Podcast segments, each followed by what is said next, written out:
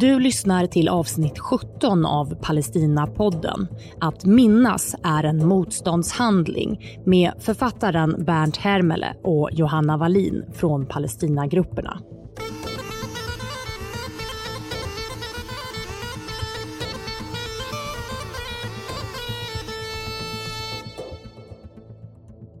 Minnet av al-Nakba är särskilt levande just nu eftersom 75-årsdagen högtidlighålls i år.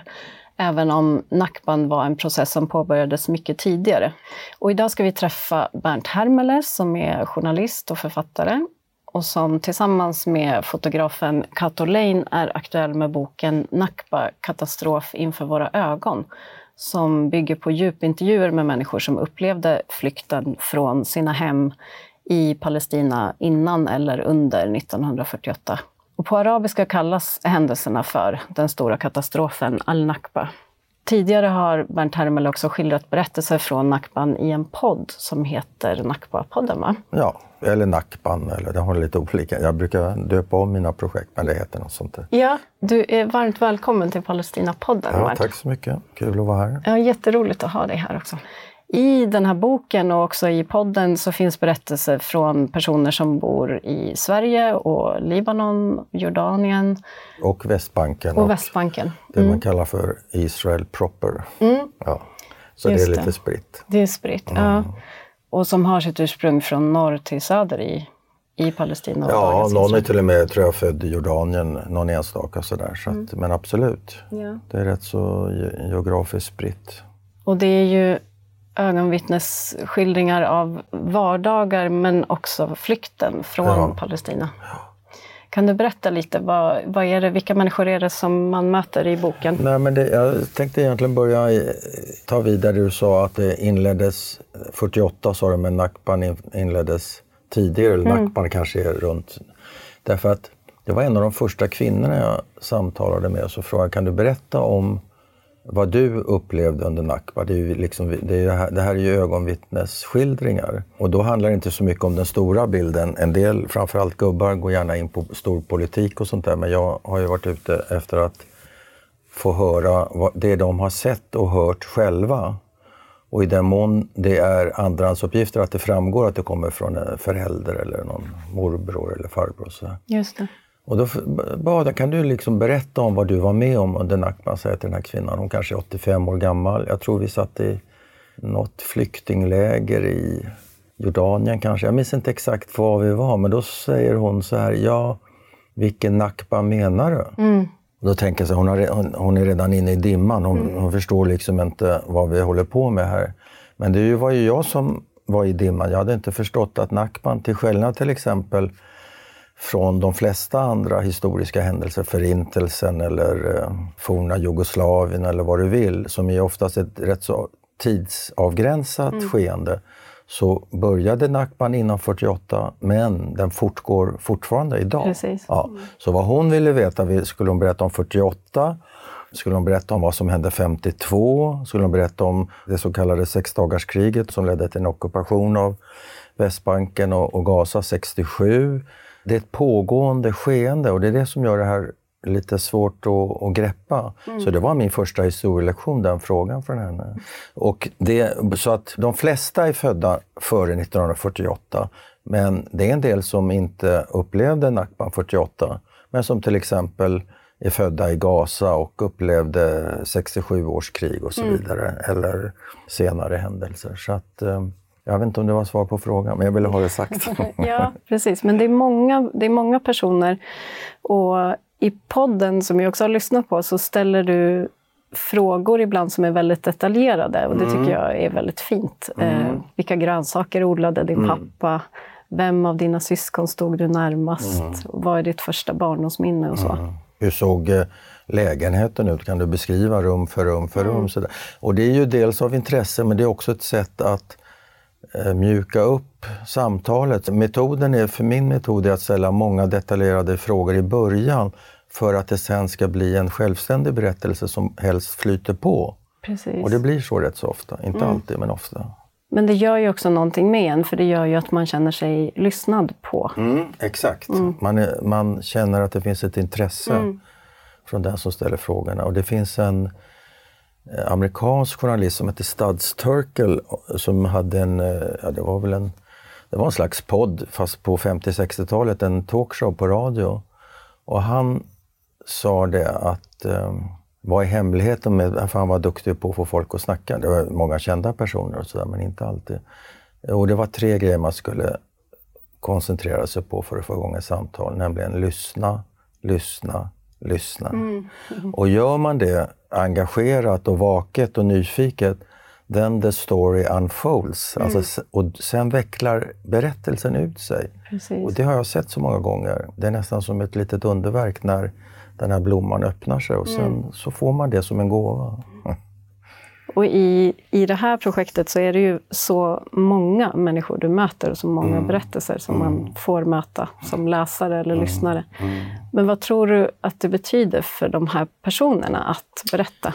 Det, jag tror det är olika från fall till fall. Det vore kanske dumt att generalisera, men en del säger att det här är viktigt för dem för de känner att de, de blir lyssnade på. Har man ett trauma, oftast är ju problemet för de flesta av oss, det är inte våra erfarenheter utan hur vi sen kan hantera våra erfarenheter. Så att ett trauma kan man ju eh, bearbeta och överkomma. Mm. Men om man inte får hjälp med det eller inte tillåts glömma det som har hänt utan om det hela tiden upprepas så blir det nog väldigt viktigt att någon, eh, i det här fallet jag då, men det är ju många andra som intervjuat en del av de här människorna, att, att bli lyssnad på och man känner en viss upprättelse tror jag. Mm. Men inte alla, en del är rätt så opåverkade av hela eh, situationen och eh, en del har ju berättat sina historier för många andra journalister. Så det är lite olika om det så att säga är jungfrulig om du mm. förstår ut vad jag menar. Så då kan det kännas väldigt starkt och det kan kännas starkt i flera generationer för rätt så ofta, framförallt i flyktingläger och sådär, så är det flera generationer närvarande. Mm. Det är barn och det är barnbarn och de sitter och lyssnar och det blir en liten Rätt många säger så här, jo men jag har ju hört det här, men jag har inte, de här och de här detaljerna just i berättelsen har jag aldrig hört förut. Så det Nej. blir också, man traderar liksom berättelsen vidare till eh, nya generationer, så det är rätt så fint. Ja, jättefint och det är just det som jag tycker är fint att lyssna på mm. också. Mm. Men vad har varit din drivkraft i arbetet med att skildra just palestinska flyktingars historia? Ja, jag, jag vet faktiskt inte riktigt eh, vad var idéer kommer ifrån så att säga. Men jag gjorde, det hänger lite grann ihop med mitt tidigare projekt som heter Överlevarna där jag intervjuade, eller samtalade med kanske ett bättre ord, människor som överlevde Förintelsen. Mm.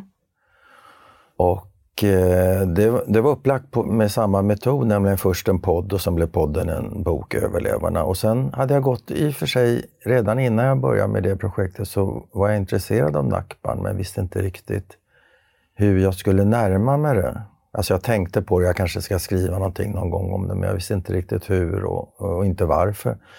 Men då upptäckte jag att den här metoden att först spela in en podd som man sen kan bearbeta och göra en bok med olika citat som liksom eh, binder ihop en tidslinje. Att det passade mig rätt så bra. Mm. Så att det är ingen drivkraft utan det är mer en metod som jag upptäckte. Och varför det blev just Nackban, det kan jag inte riktigt svara på. Jag, jag intresserar mig för frågan, jag är själv jude och det är inte så avlägset och själv lite inblandad i konflikten och sådär. Så jag gick och sög på det där ett par år faktiskt. Jag, visste, jag anmälde mig till en sån där följeslagarresa till och med och blev antagen och skulle åka. Och så kom det något jobb i vägen så jag var tvungen att boka. Och jag kände att det är inte riktigt min metod att gå i grupp. Nej. Jag gillar att sitta ner ungefär som du och jag gör. Mm. Fast jag, nu sitter jag och svarar på dina frågor. Men det, det är liksom mitt format som passar mig. Och sen var det faktiskt en kompis för ett par, tre år sedan, eller en bror till en kompis som jag träffade. Han bad att få träffa mig. Och han sa att jag skulle vilja att du gör en podd om Nackban på samma sätt som du gjorde om Förintelsen. För den, den blev väldigt uppmärksammad Förintelsepodden och boken. Och eh, jag, jag satsar 100 000 kronor i det här, säger mm. han. Han är affärsman och soci aktiv socialdemokrat och engagerad i ämnet. Så att det var ju liksom en knuff bara rakt ut i vattnet. Mm. Så det var bara att ta med sig bandspelarna och hoppa i så att säga mm. och bör, börja jobba. Så att tillfälligheter, stjärnorna står rätt på något sätt. Man går och funderar på en grej så helt plötsligt så så gör man det. Jag vet inte om det är en drivkraft ens en gång, men eh, sen måste man ju ha ett driv när man är väl igång. Mm. Och sen fick jag pengar av då Karsten Inde, som han heter, men jag sökte och fick också pengar från Palmefonden, 100 000.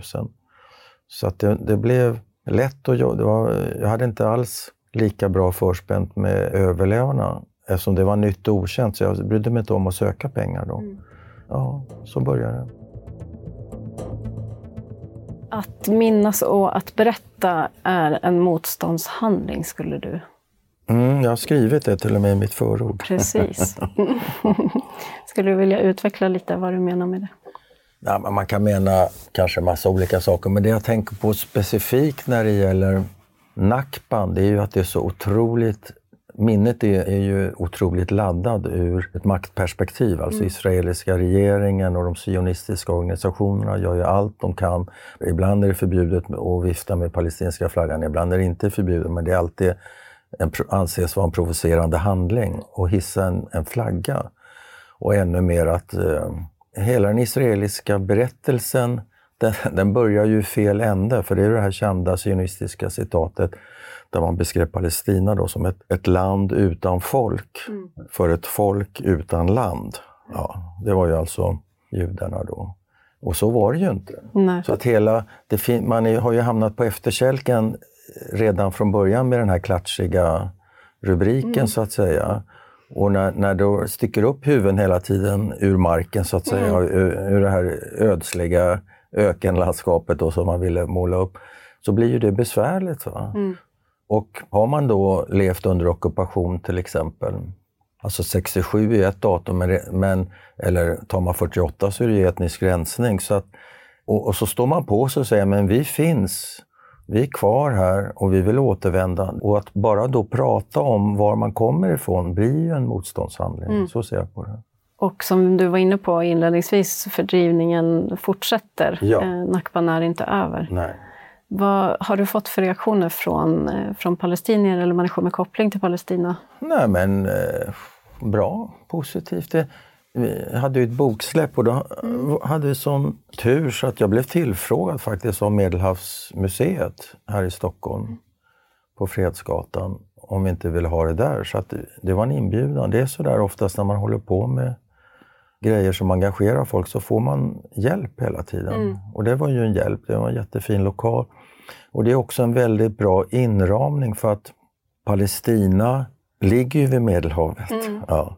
Och en av personerna, jag har ett citat, jag kan läsa det om du vill. Jag har, för nu har jag mina små post-it-lappar här, ska se.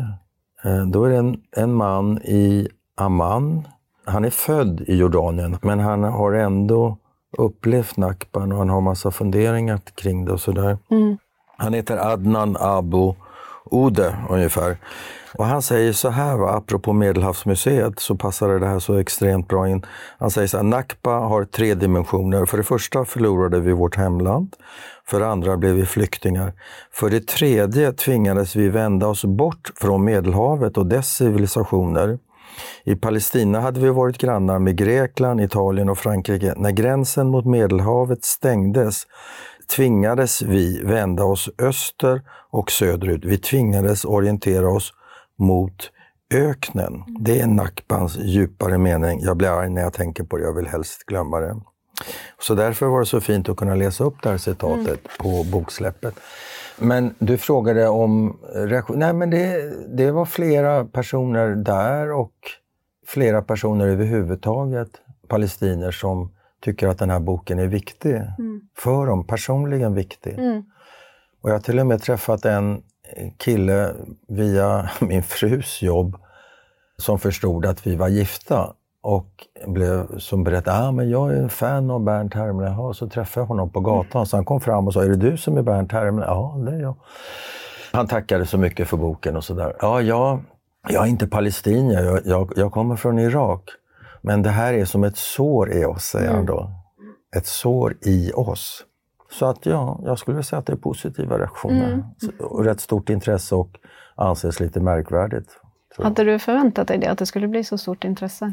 Nej, jag hade räknat med att det skulle vara relativt lite svenskt intresse. Och än så länge så är det det. tänker från media och sådär. Mm. Men jag hade inte räknat med att det skulle ha sådana eh, ringar på vattnet-effekt. Det hade jag nog inte riktigt Nej. förstått. Men jag tror, min upplevelse, om man säger inifrån Palestinarörelsen, mm. är ändå att det är ganska odokumenterat. Mm. Eh, Nakban och överlevarnas erfarenheter. Mm. Eh, Menar du rent allmänt eller just i Sverige? Nej, jag tänker nog allmänt. Det är mm. klart att det säkert finns undantag. Ja. Men även i Palestina, att åtminstone upplevde jag det när jag bodde i Palestina, att mm. det fanns någon slags känsla av att man måste skynda sig och dokumentera mm. de här berättelserna för snart finns de inte mer. Ja, och även om de förs över från generation till generation mm. så är det ändå fragmentariskt. Ja, det blir, det blir andrahands mm. uppgifter så att säga. Precis. Ibland kunde jag ju känna att en del kanske inte de jag väl träffade, men när jag researchade och sökte kontakter så kunde man ibland möta en rätt så intressant reaktion, framförallt från kanske de yngre barnen till överlevarna, Nakba-överlevarna. Nämligen, vi har så fullt upp med att klara oss idag, mm. så vem orkar bry sig vad som hände 1948? Mm. Vi lever i det här idag. Ja. Det är också en intressant reaktion mm. alltså. Och särskilt de som, som lever i, i flyktingläger i de här usla förhållandena. Det är ju, rätt mycket att begära att de liksom ska ta sig tid och prata om någonting som hände för 75 mm. år sedan. En sak som har slagit mig så många gånger som har bott i Jenins flyktingläger mm. eh, i norr.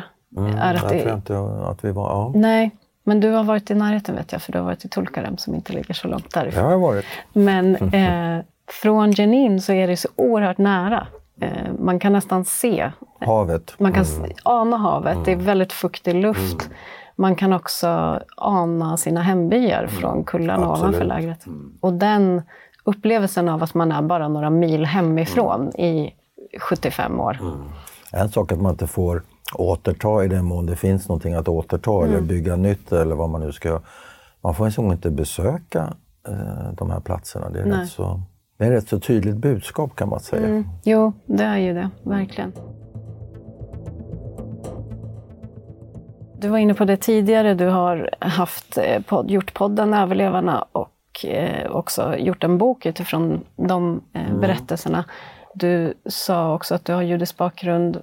Kan du berätta lite mer om din egen koppling till det här ämnet eller till den här delen av världen? Nej, men alltså, ja, jag har inte judisk bakgrund, jag är jude. Mm. jag är svensk jude. Ibland får jag ju frågan hur kommer det sig att du som jude vill eh, intressera dig i Nakban? Men för mig är det inte alls långsökt eller konstigt, för jag, jag är ju jude men jag är inte sionist. Nej. Nej. Det är rätt så okomplicerat. Om man nu är intresserad av människors berättelser och särskilt om det är berättelser med en viss eh, dramatik eller någon slags eh, tema. Det är mm. klart att det är ingen tillfällighet kanske att jag intresserar mig både för förintelseöverlevares trauman och Nakba-överlevares trauma. Det är mm. ju någonting som eh, säkert bottnar i mig på något oklart sätt. Mm. Jag läste någonstans att Gazakriget 2014, nu finns det några till efter, men mm. att det blev en slags brytpunkt för dig. Stämmer det? Ja, någonting blev, blev, eh, blev besvärligt tyckte jag då. Eftersom det var så många barn som dödades. Mm. Det var väl över 500 om jag minns siffran rätt. Och då kände jag bara så nej, här går min gräns. Jag skrev en rätt så ilsken text i Aftonbladet på kultursidan där att uh, Bomba inte Gaza, mitt namn tror jag de satte som rubrik. Och det, det var ungefär det. Det var kanske inte världens bästa text, men det var nog viktigt för mig att ändå inför mig själv ta ställning. Mm. Är man journalist som jag var vid den tidpunkten så är man ju uppfostrad i någon slags neutralitet. Just alltså man kan, ju, man kan ju ha en tes för en nyhetsartikel, självklart. Och sen antingen håller den tesen eller så får man ändra vinkel så att mm. säga. Ja, det är ju journalistik. Va? Man kan ju inte vara en vindflöjel, men man kan inte, jag anser inte att man kan vara journalist och aktivist. Nej. Det går inte ihop. Så jag hade ju 30 år av journalistik i mig, men då kände jag att här kan jag ju tala, inte som journalist, utan som, eh, som jag. Ja. Och riktigt var, varför, ja, jag tyckte det blev så otroligt eh, inhumant. Mm. att inte reagera på det här. Alltså det verkar så orimligt att man kan utsätta familjer och kanske särskilt barn för det här övervåldet. Jag, jag, jag blev nog lite aktiverad av det. Mm. Mm. Hade du besökt Palestina innan du skrev den texten? Ja, vad var det här sa du, 2014? Jo, jag gjorde en dokumentär 2005, en tv-dokumentär. Då åkte jag just till Tulkarm. Därför att då hade min mamma dödats av en palestinsk självmordsbombare 2002 var det. Och efter tre år så vaknade jag upp en morgon och tänkte att nu ska jag göra en tv-dokumentär om det mm. Och jag var ju en skrivande journalist. Jag hade, aldrig, jag hade sysslat lite med radio men aldrig med tv. Så jag skickade iväg ett mejl till TV4 och fick napp på det där förslaget och så mm. åkte vi iväg några veckor senare. Så jag åkte dit helt, jag var inte skick att göra den där dokumentären, men jag tänkte att det här kan vara ett sätt att bearbeta det som har hänt. Mm. Men det var nog egentligen bara tvärtom, det var rätt så aktiverande för mig. Då, då var vi, eh, vi var lite i Israel och jag träffade någon brandman som hade varit till hotellet där min mamma dödades och tog med honom dit. Så han bröt ihop och jag fick liksom hålla honom med armarna. Så det, var, det var, blev en rätt så ansträngande historia. Sen åkte vi över till Tulkarem, jag och filmaren och en tolk. Och eh, då hade jag den här idén att jag skulle inte berätta om vem jag var. Jag var en svensk journalist. Men jag var inte son till en, eh, ett offer. Så det blev lite eh, dramatik och kanske bra TV. Men min idé var ju att eh, se om vi kunde få någon dialog, jag och familjen. Och mm. det fick vi ju inte på det sättet jag hade lagt upp det och det mm. kanske vi inte hade fått ändå. Men idag hade jag ju nog gjort det väldigt mycket annorlunda. Men då, då åkte vi runt i Tulkarm lite grann och träffade, jag gick och klippte hos en barberare som bjöd hem oss en mm. och sådär. Så det blev, det blev som det blev. Ja.